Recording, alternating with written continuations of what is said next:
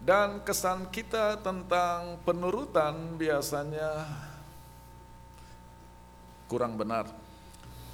Kalau mendengar kata menurut, kita asosiasikan dengan situasi yang membosankan, sesuatu yang monoton dan tidak menarik. Sebaliknya, kalau melawan atau tidak menurut, itu justru menantang kita punya kecerdasan, menarik, dan menunjukkan bahwa kita berani. Sampai-sampai kita sering kali melihat anak-anak penurut identik dengan anak-anak penakut. Karena kamu penakut, makanya kamu penurut. Maka saya mau kasih tunjuk bahwa saya berani dengan cara tidak menurut. Maka sekarang tantangannya adalah bagaimana menurut tetapi di sisi lain juga menarik dan uh, exciting. Cerita pada hari Sabat ini adalah cerita Ibrahim mempersembahkan Ishak. Dan cerita itu dimulai dengan kalimat berikut ini. Setelah semuanya itu, Allah mencoba Ibrahim. Kata kunci di sini adalah menguji atau mencoba. Kalimat bahwa Tuhan sedang menguji Ibrahim hanya diketahui oleh pembaca. Ibrahim tidak tahu bahwa Tuhan sedang menguji dia. Tiba-tiba firman Tuhan datang kepadanya. Ia berfirman kepadanya, "Abraham," lalu sahutnya, Ya Tuhan, firmannya, ambillah anakmu, pergilah ke tanah Moria dan persembahkanlah dia di sana sebagai korban bakaran pada salah satu gunung yang akan kukatakan kepadamu. Membaca perintah Tuhan ini, kita harus ingat bahwa Tuhan sedang menguji Ibrahim bukan sedang menyuruh Ibrahim mempersembahkan anaknya. Jadi cara kita membaca cerita ini harus berbeda dari cara Ibrahim melihat situasi dia.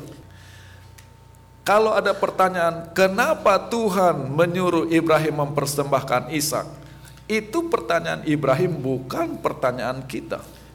Harusnya pertanyaan kita adalah mendengar perintah yang sangat tidak masuk akal ini, apakah Ibrahim akan lulus ujian?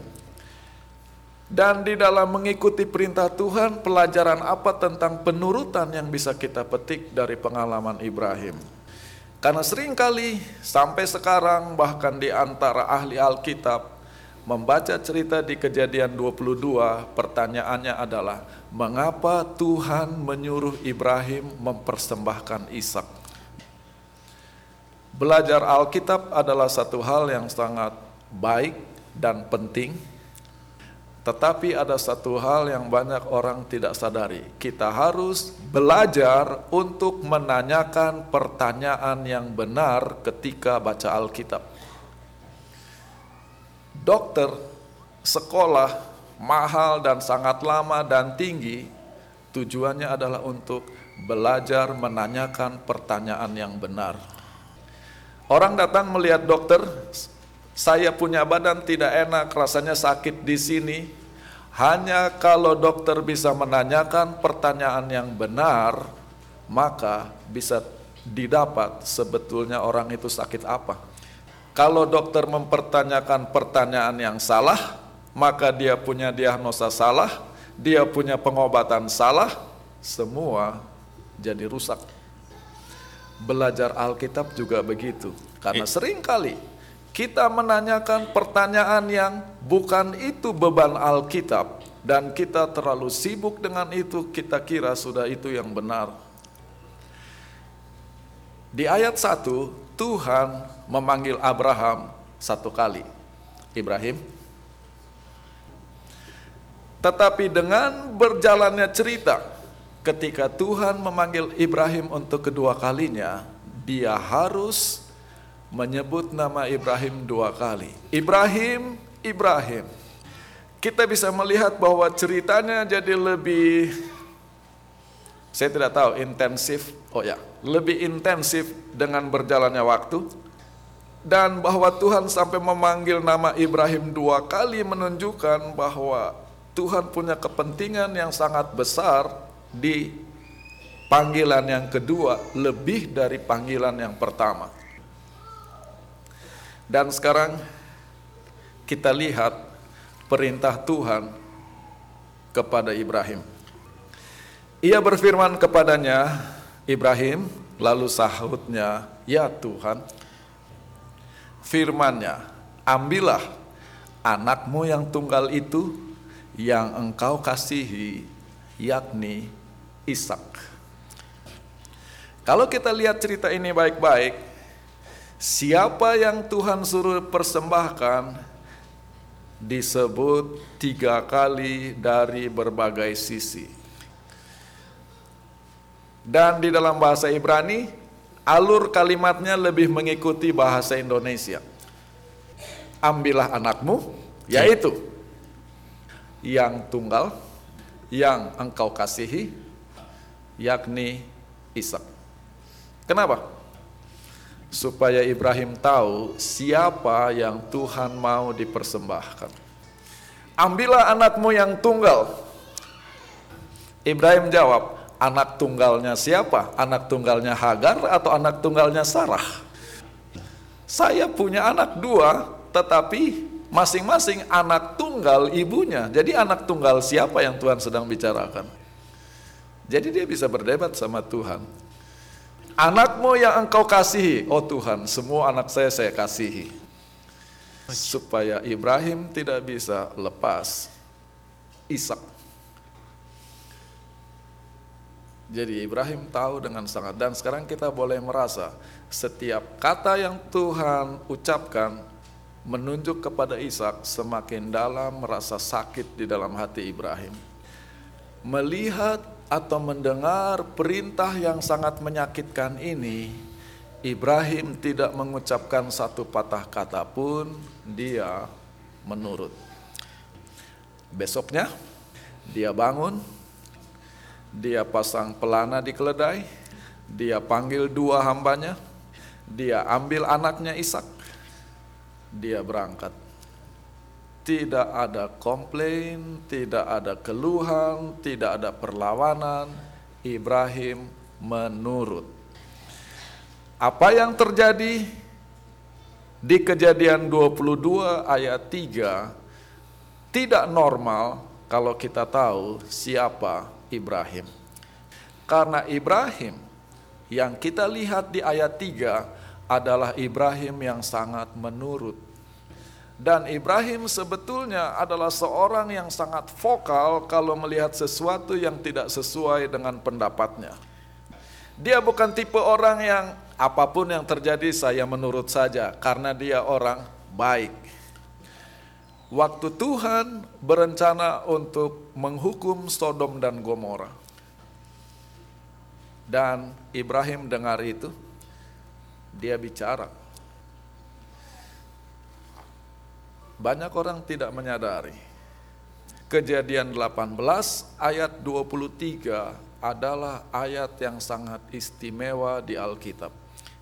Karena untuk pertama kali di Alkitab ada manusia berani berdialog dengan Tuhan. Bahkan berargumentasi melawan Tuhan. Ibrahim adalah orang yang pertama di Alkitab berargumentasi dengan Tuhan Ketika Adam dikatakan dengan berpeluh, engkau akan bekerja dan seterusnya, dia diam-diam saja. Ketika Hawa, Tuhan ucapkan kata-kata, dia diam saja. Nuh hanya diam. Ibrahim adalah orang pertama yang bertukar jawab kata dengan Tuhan. Apakah engkau akan melenyapkan orang benar bersama-sama dengan orang fasik? Jauhlah kiranya daripadamu untuk berbuat demikian. Jadi dia yang menasehati Tuhan, bukan Tuhan menasehati dia. Bahkan dia mempertanyakan Tuhan, masakan hakim segenap bumi tidak menghukum dengan adil? Melihat Ibrahim orangnya model begini, mendengar perintah Tuhan untuk mempersembahkan Ishak, saya berharap Ibrahim akan bicara kepada Tuhan.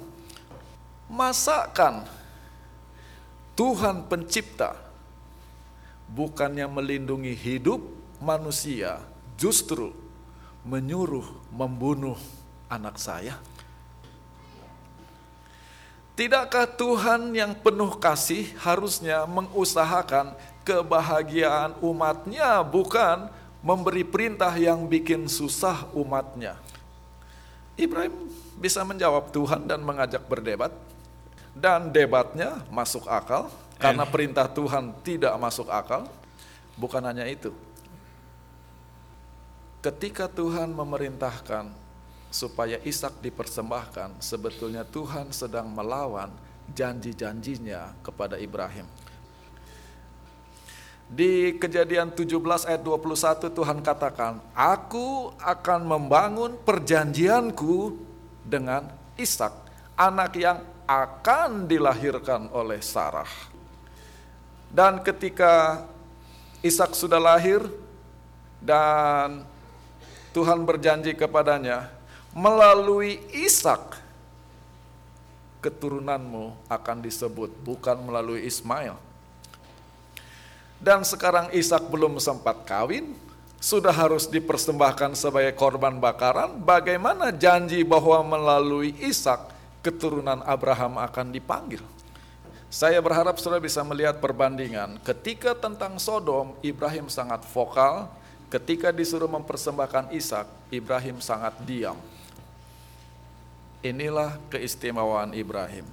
Kalau sedang membela orang lain, dia berjuang mati-matian. Tetapi ketika perintah Tuhan datang kepadanya, tidak peduli berapa sakit pun itu, dengan diam dia menurut. Kalau kita perintah Tuhan kepada kita, kita lawan mati-matian banyak sekali argumen kita supaya kita tidak perlu menurut dan kita paksa-paksa orang lain harus menurut Tuhan. Sampai yang Tuhan tidak minta pun kita suruh mereka harus turut. Penurutan Ibrahim memberi teladan apa artinya menurut. Ceritanya berhenti di sini, sekarang kita naik satu level lebih tinggi. Bagi saudara yang tidak siap, uh, lupakan apa yang saya mau bilang, saudara berhenti di cerita yang tadi sudah satu khotbah bagus, saudara bisa pulang. Sebetulnya, nah ini orang bilang doktrin sesat. Walaupun ini kebenaran, tapi karena mereka tidak tahu, mereka kira sesat. Sebetulnya di dalam diamnya, Ibrahim sedang tidak setuju kepada Tuhan. Kita baca keesokan harinya, pagi-pagi bangunlah Ibrahim, ia memasang pelana keledainya dan memanggil dua orang bujangnya beserta Ishak anaknya. Ia membelah juga kayu untuk korban bakaran itu, lalu berangkatlah ia dan pergi ke tempat yang dikatakan Allah kepadanya.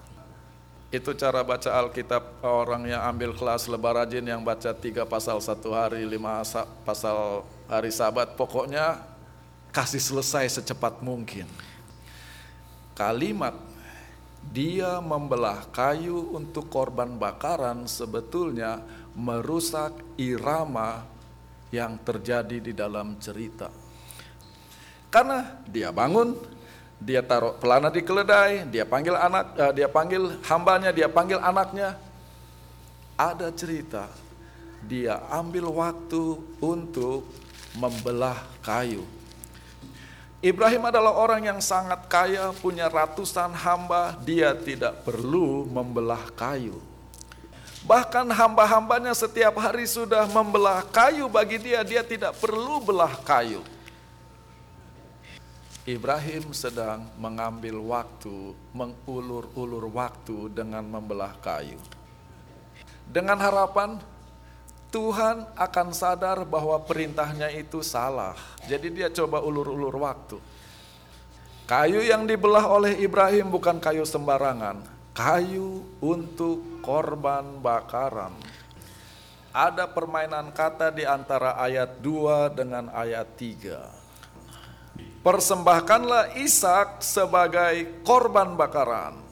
Maka Ibrahim mengambil kapak dan membelah kayu untuk korban bakaran. Apa yang Ibrahim sedang lakukan? dia sedang kasih tunjuk sama Tuhan betapa mengerikannya perintah itu. Saya disuruh persembahkan Ishak sebagai korban bakaran. Lihat, ini kayu untuk korban bakaran saya kapak berulang-ulang seperti penglihatan pembunuhan. Setiap kali kapak menghantam kayu, Ibrahim sedang mengingatkan Tuhan kematian Ishak. Saya tidak tahu apakah kata-kata saya ini saudara mengerti atau tidak. Harusnya saya bawa kapak ke sini dan saya kapak-kapak ini mimbar supaya saudara mengerti, uh pendeta marah sekali. Di dalam diamnya dengan mengapak kayu, Ibrahim sedang protes kepada Tuhan. Tuhan, kematian, perintahmu bukan sembarangan, ini masalah hidup mati. Bukan cuma itu, mereka jalan. Ketika mereka melihat gunung di mana Ishak akan dipersembahkan, maka dia berkata kepada hambanya, saya dan anak ini akan pergi ke sana. Dan bahkan kata-katanya bukan anak saya, anak ini, the boy. Seolah-olah antara dia dengan Ishak tidak ada hubungan. Saya dan anak ini, bukan anak saya. Tetapi ketika mereka berjalan berdua dan Ishak memanggil ayahnya, Ibrahim menjawab, "Yes, my son, ya anakku, memperlihatkan hubungan yang erat di antara keduanya. Tuhan akan menyediakan domba, anakku. Ibrahim sebetulnya sementara bicara kepada Ishak, dia sedang bicara kepada Tuhan. Tuhan, anak yang jalan dengan saya ini anak saya. Kenapa? Karena Tuhan perintahkan di ayat 2, ambil anakmu, anakmu satu-satunya. Dan sekarang dia ulangi kata-kata Tuhan, anakku, anakku. Dia sedang protes kepada Tuhan. Dan kalau kita lihat, jawaban Ibrahim kepada Ishak menyimpang dari perintah Tuhan. Tuhan menyuruh Ibrahim mempersembahkan Ishak. Harusnya kalau Ibrahim memang penurut, ketika Ishak tanya, di manakah anak domba untuk korban bakaran? Jawabnya, kamu Tuhan suruh jadi anak domba. Gantinya berkata kepada Ishak, engkau yang akan menjadi korban, dia beri tekanan kepada Tuhan. Tuhan yang akan menyediakan domba. Ibrahim tidak rela mempersembahkan Ishak. Dia sedang memberontak terhadap perintah ini. Kita kira Ibrahim menurut adalah ya pokoknya disuruh apa saja menurut, menurut, menurut. Penurutan Ibrahim adalah penurutan yang sangat menyakitkan, penurutan yang sangat berat, dan penurutan yang sangat gelap. Inilah yang disebut dengan dynamic obedience. Di dalam menurut Tuhan, boleh jadi kita tidak mengerti maksud perintah Tuhan. Di dalam menurut Tuhan, boleh jadi kita tidak setuju dengan apa yang Tuhan perintahkan. Dan bahkan kita bisa berdebat terhadap perintah itu. Tetapi semua itu kita tidak setuju, kita berdebat, bukan alasan untuk tidak menurut. Ini bedanya orang yang setia dengan orang yang tidak setia. Orang yang tidak setia, ada perintah Tuhan, mereka pertanyakan, mereka perdebatkan karena mereka sedang cari cari cari alasan untuk tidak menurut. Tetapi di dalam Abraham, dia menurut dengan sangat setia, tetapi di dalam penurutan itu terjadi dialog perdebatan dengan Tuhan. Dan Tuhan justru senang melihat perdebatan Ibrahim karena memang Tuhan tidak berencana untuk membunuh Ishak, dia hanya sedang menguji Ibrahim.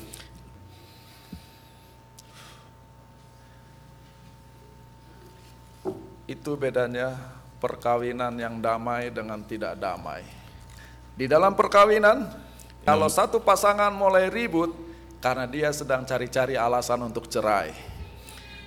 Tetapi pasangan lain bisa ribut, bisa berdebat karena mereka merindukan perbaikan dan kebaikan di masa depan. Untuk improvement, perbaikan hubungan mereka di masa depan. Di dalam perkawinan seperti ini, walaupun istri atau suami marah-marah, pasangannya merasa aman karena dia percaya semua kemarahan ini, semua kritik ini demi kebaikan, bukan alasan mau cerai. Because Itu adalah perkawinan yang damai. Hubungan kita dengan Tuhan juga demikian. Kalau sudah suka dengar khotbah saya aneh-aneh, karena saya senang Tuhan, cinta Tuhan, makanya saya senang berdebat dengan Tuhan, bukan sedang cari alasan mau murtad atau mau keluar dari Advent. Karena banyak orang pikir untuk jadi umat Tuhan yang baik harus diam-diam saja tidak pakai otak. Tuhan tidak suka itu. Orang-orang yang mengikut Tuhan tidak berpikir sangat mudah terpancing atau terbabit oleh pengkhotbah-pengkhotbah palsu. Kita harus kritis, tetapi karena kita senang, karena kita cinta, karena kita suka menurut, karena kita suka setia kepada Tuhan Ceritanya belum selesai, saya tahu sudah jam 1, uh, eh, tunggu 10 menit lagi. Maka sampailah mereka ke tempat yang ditunjuk Tuhan. Ibrahim persiapkan mezbah. Dua hal dilakukannya, baca Alkitab baik-baik. Ibrahim mengulurkan tangannya untuk mengambil pisau Baca ayatnya, dia baru mengulurkan tangannya mau ambil pisau. Dia belum pegang pisau. Sementara dia mengulurkan tangannya untuk mengambil pisau, firman Tuhan datang, Ibrahim, Ibrahim. Di dalam bahasa Ibrani harus ikut yang bahasa Inggris, bahasa Indonesia bikin kacau. Karena kata-katanya adalah jangan ulurkan tanganmu kita selalu baca Alkitab bahasa Indonesia, jangan bunuh anak itu seolah-olah Ibrahim sudah mau bunuh. Belum, jangan ulurkan tanganmu. Jangan lakukan apa-apa terhadap anak itu. Supaya saudara percaya ini bahasa Ibrani. Ini kata demi kata terjemahannya. Maka Tuhan berkata, jangan ulurkan tanganmu kepada anak itu. Jangan lakukan kepada anak itu apa-apa. Saudara lihat bedanya bahasa bedanya mengulurkan dengan menginikam ke mana arah gerakan tangan. Kita harus ingat Ishak sedang terbaring. Ibrahim baru mau mengulurkan tangannya. Dan Tuhan katakan, "Jangan ulurkan tanganmu." Posisinya bukan Ibrahim sudah begini, jangan tikam anak itu. Ini doktrin sesat gambar ini. Nggak tahu baca Alkitab karena Ibrahimnya pegang tak pisau sudah mau tikam sambil memegang pisau. Sementara ayat 10 katakan sementara Ibrahim mau mengulurkan tangannya untuk mengambil pisau, Tuhan katakan jangan ulurkan tanganmu. Hubungan antara ayat 10 dengan ayat 11, 12 hampir bersamaan. Perbedaannya hanya sepersekian detik. Sementara Ibrahim dalam proses mengulurkan tangannya, Tuhan katakan, "Jangan ulurkan tanganmu." Perintah Tuhan sama persis dengan apa yang Tuhan sedang eh, apa yang sedang Ibrahim lakukan, mengulurkan tangan, jangan ulurkan tangan. Maka dalam cerita ini ada satu poin penurutan yang sangat menarik yang bisa kita lihat. Perintah Tuhan di ayat 1 dan 2, ambil anakmu Ishak, persembahkanlah dia menjadi korban bakaran.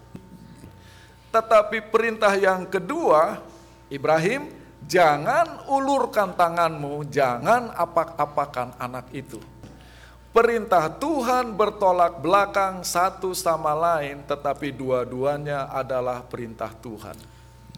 Kalau Ibrahim tidak hati-hati, sementara dia sedang menurut Tuhan, dia di dalam resiko untuk tidak menurut Tuhan. Karena dia terlalu sibuk dengan perintah pertama dan tidak memperhatikan perintah kedua, dia sedang melanggar perintah Tuhan.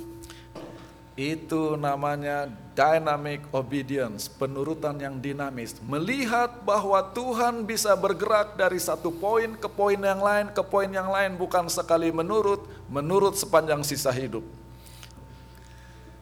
Jadi, menurut Tuhan, bukan seperti robot. Telinga harus sensitif, dan badan harus menurut kepada otak, dan otak harus jalan. Karena banyak orang kira kalau menurut artinya otaknya tidak jalan. Di dalam proses penurutannya, dalam hitungan detik Tuhan bilang, jangan, dan dia harus stop. Sekarang kita mengerti kenapa Samuel mengucapkan kata-kata ini. Apakah Tuhan berkenan kepada korban bakaran dan korban sembelihan lebih daripada mendengarkan suara Tuhan? Sesungguhnya mendengar lebih baik daripada korban sembelihan, memperhatikan lebih baik daripada lemak domba-domba jantan. Menurut Tuhan, memerlukan segenap kekuatan kita karena kita harus sensitif dengan cara bekerja Tuhan. Selamat menurut.